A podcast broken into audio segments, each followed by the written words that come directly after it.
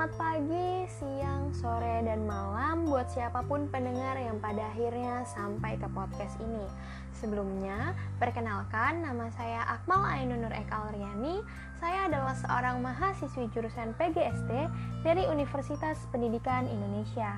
Pada podcast kali ini, saya akan mengulas secara singkat tentang model pengembangan kurikulum. Proses pengembangan kurikulum pada berbagai institusi pendidikan pada hakikatnya merupakan suatu proses pengambilan keputusan yang sangat kompleks dengan mempertimbangkan berbagai aspek yang ada di dalamnya. Hal ini terjadi karena keberadaan kurikulum menjadi penentu utama terhadap keberhasilan proses dan hasil pendidikan itu sendiri. Pengembangan kurikulum pada dasarnya merupakan suatu proses perencanaan, pelaksanaan, dan pengevaluasian kurikulum yang pada akhirnya akan menghasilkan satu desain atau suatu rancangan kurikulum di mana cara untuk mengembangkan desain kurikulum tersebut ialah melalui pengembangan model kurikulum. Model adalah suatu pola dasar atau kerangka konseptual yang berfungsi sebagai pedoman untuk melakukan tindakan. Sehingga model pengembangan kurikulum dapat diartikan sebagai kerangka konseptual yang melukiskan prosedur sistematis yang diperlukan untuk membuat keputusan dalam pengembangan suatu kurikulum. Adanya model pengembangan kurikulum ini dapat dijadikan suatu acuan dan juga referensi atau inspirasi bagi satuan pendidikan sejenis atau satuan pendidikan lain dalam mengembangkan kurikulum melalui proses adaptasi, adopsi, elaborasi maupun inovasi sehingga nanti dihasilkan kurikulum yang lebih sesuai dengan kebutuhan dan juga lebih efektif untuk diimplementasikan sesuai dengan karakteristik satuan pendidikan tersebut. Guru perlu memahami model-model dalam pengembangan kurikulum Hal ini dikarenakan pemahaman mengenai model-model pengembangan kurikulum dapat membantu guru dalam merancang dan juga mengembangkan kurikulum sekaligus melaksanakan kurikulum di sekolah. Setelah ini akan diuraikan beberapa hasil kajian mengenai model pengembangan kurikulum. Model yang pertama adalah di, adalah model yang dikembangkan oleh se seorang bernama Ralph Tyler pada tahun 1949 di mana model Tyler ini dibangun dengan empat pertanyaan mendasar. Pertanyaan pertama yaitu pertanyaan yang berkaitan dengan aspek perumusan tujuan, yaitu apa sih tujuan pendidikan yang harus dicapai sekolah? Pertanyaan kedua berkaitan dengan pengalaman belajar peserta didik apa saja yang dibutuhkan dan bisa dikembangkan untuk mencapai tujuan yang telah dirumuskan. Pertanyaan ketiga berkaitan dengan pengorganisasian atau pengaturan pengalaman belajar dari proses belajar pertanyaan terakhir yaitu pertanyaan yang berkaitan dengan evaluasi untuk mencapai keefektivitasan pengalaman belajar dan pencapaian tujuan. Menurut Tyler, perubahan perilaku pada peserta didik merupakan hal yang harus ditekankan dalam evaluasi model pengembangan kurikulum. Untuk model pengembangan kurikulum yang kedua, yaitu model kurikulum yang dikembangkan oleh Beauchamp pada tahun 1964. Pendekatan pada Beauchamp ini mengacu pada pendekatan material, di mana terdapat lima langkah yang dilaksanakan dalam model pengembangan kurikulum ini. Yang pertama yaitu menetapkan lingkup lokasi atau wilayah yang akan dijadikan uji coba untuk mengembangkan kurikulum.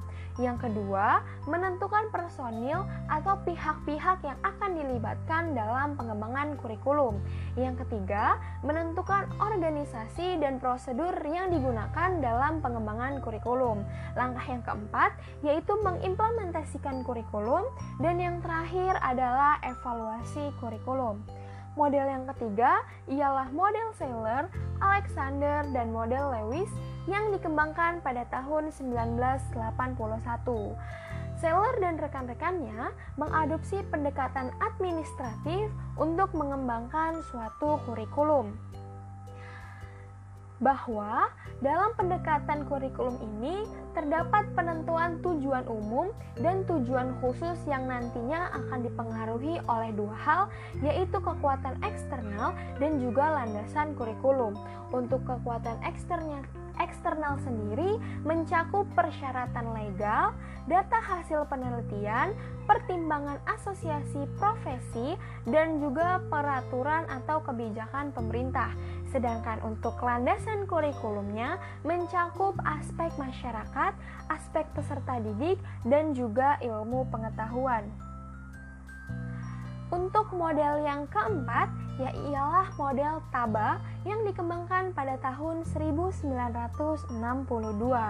Model yang dikembangkan oleh Hilda Taba menggunakan pendekatan induktif, di mana menurut Taba bahwa proses pengembangan kurikulum berhubungan dengan konsep inquiry. Dia memandang bahwa proses pengembangan kurikulum merupakan urutan logis dari langkah-langkah yang disebutnya sebagai step of inquiry in curriculum thinking and curriculum planning di mana dalam pengembangan model TABA dijelaskan ke dalam delapan tahap. Tahap yang pertama yaitu guru mengidentifikasi sebuah kebutuhan yang akan membentuk dasar dari perencanaan suatu unit kurikulum. Langkah kedua, guru merumuskan tujuan khusus yang harus memuat bidang-bidang tertentu. Langkah ketiga ialah pemilihan konten kurikulum. Langkah yang keempat yaitu mengorganisasi konten kurikulum. Langkah yang kelima yaitu memilih pengalaman belajar. Langkah yang keenam yaitu mengorganisasi mengorganisasikan pengalaman belajar. Langkah ketujuh, melakukan evaluasi untuk menentukan apakah tujuan khusus tersebut telah tercapai. Dan langkah yang terakhir ialah melakukan pengecekan terhadap keseimbangan dan urutan isi kurikulum.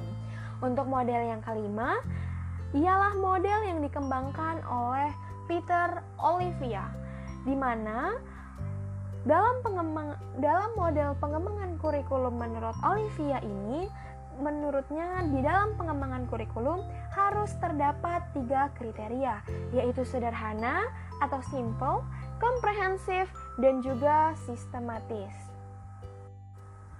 Olivia menggambarkan hubungan antara kurikulum dengan proses pembelajaran, di mana kurikulum berkaitan dengan apa yang harus diajarkan atau what to teach, dan pembelajaran yang berkaitan dengan bagaimana cara mengajarkannya atau how to teach di mana keterhubungan antara kurikulum dengan pembelajaran tersebut oleh Olivia digambarkan dalam empat model, yaitu the dualistic model, the interlocking model, the concentric model, dan the, the cyclical model. Untuk model pengembangan kurikulum yang terakhir ialah model yang dikembangkan oleh McNeil pada tahun 1990 yang di yang mengemukakan tinjauan, tinjauan lain mengenai kurikulum yang secara konseptual dapat dibedakan menjadi empat model. Model yang pertama ialah model kurikulum subjek akademis yang menekankan pada isi kurikulum berupa ilmu pengetahuan yang bersumber dari berbagai disiplin keilmuan. Model yang kedua ialah model kurikulum humanistik yang menekankan pada pengembangan kepribadian peserta didik secara utuh dan keseimbangan antara pengembangan intelektual, afektif, dan psikomotor. Model yang ketiga yaitu model kurikulum rekonstruksi sosial yang menekankan pada pemecahan masalah-masalah sosial yang secara nyata dihadapi dalam masyarakat. Untuk model kurikulum yang terakhir yaitu teknologis yang menekankan pada isi kurikulum yang berbasis pada kompetensi atau kecakapan serta keterampilan. Dari keenam model pengembangan kurikulum yang telah dipaparkan tadi, menurut saya pribadi terdapat satu model yang sangat cocok untuk diterapkan dalam sistem pengembangan kurikulum yang ada di Indonesia, yaitu sistem pengembangan yang dikembangkan oleh Peter Olivia. Hal ini dikarenakan karena Olivia mampu menggambarkan hubungan antara kurikulum dengan proses pembelajaran, di mana kurikulum sangat berkaitan dengan apa yang harus dan bagaimana cara mengajarkannya. Selain itu, model kurikulum yang dikembangkan oleh Olivia ini dapat digunakan untuk menyempurnakan kurikulum sekolah dalam berbagai bidang kajian tertentu. Selain itu, model ini juga dapat digunakan untuk membuat keputusan dalam merancang suatu proses program kurikulum dan juga dapat digunakan dalam mengembangkan program pembelajaran secara lebih khusus. Sekian podcast yang dapat saya buat. Uh, kurang lebihnya mohon maaf. Sampai jumpa di podcast selanjutnya. Bye bye.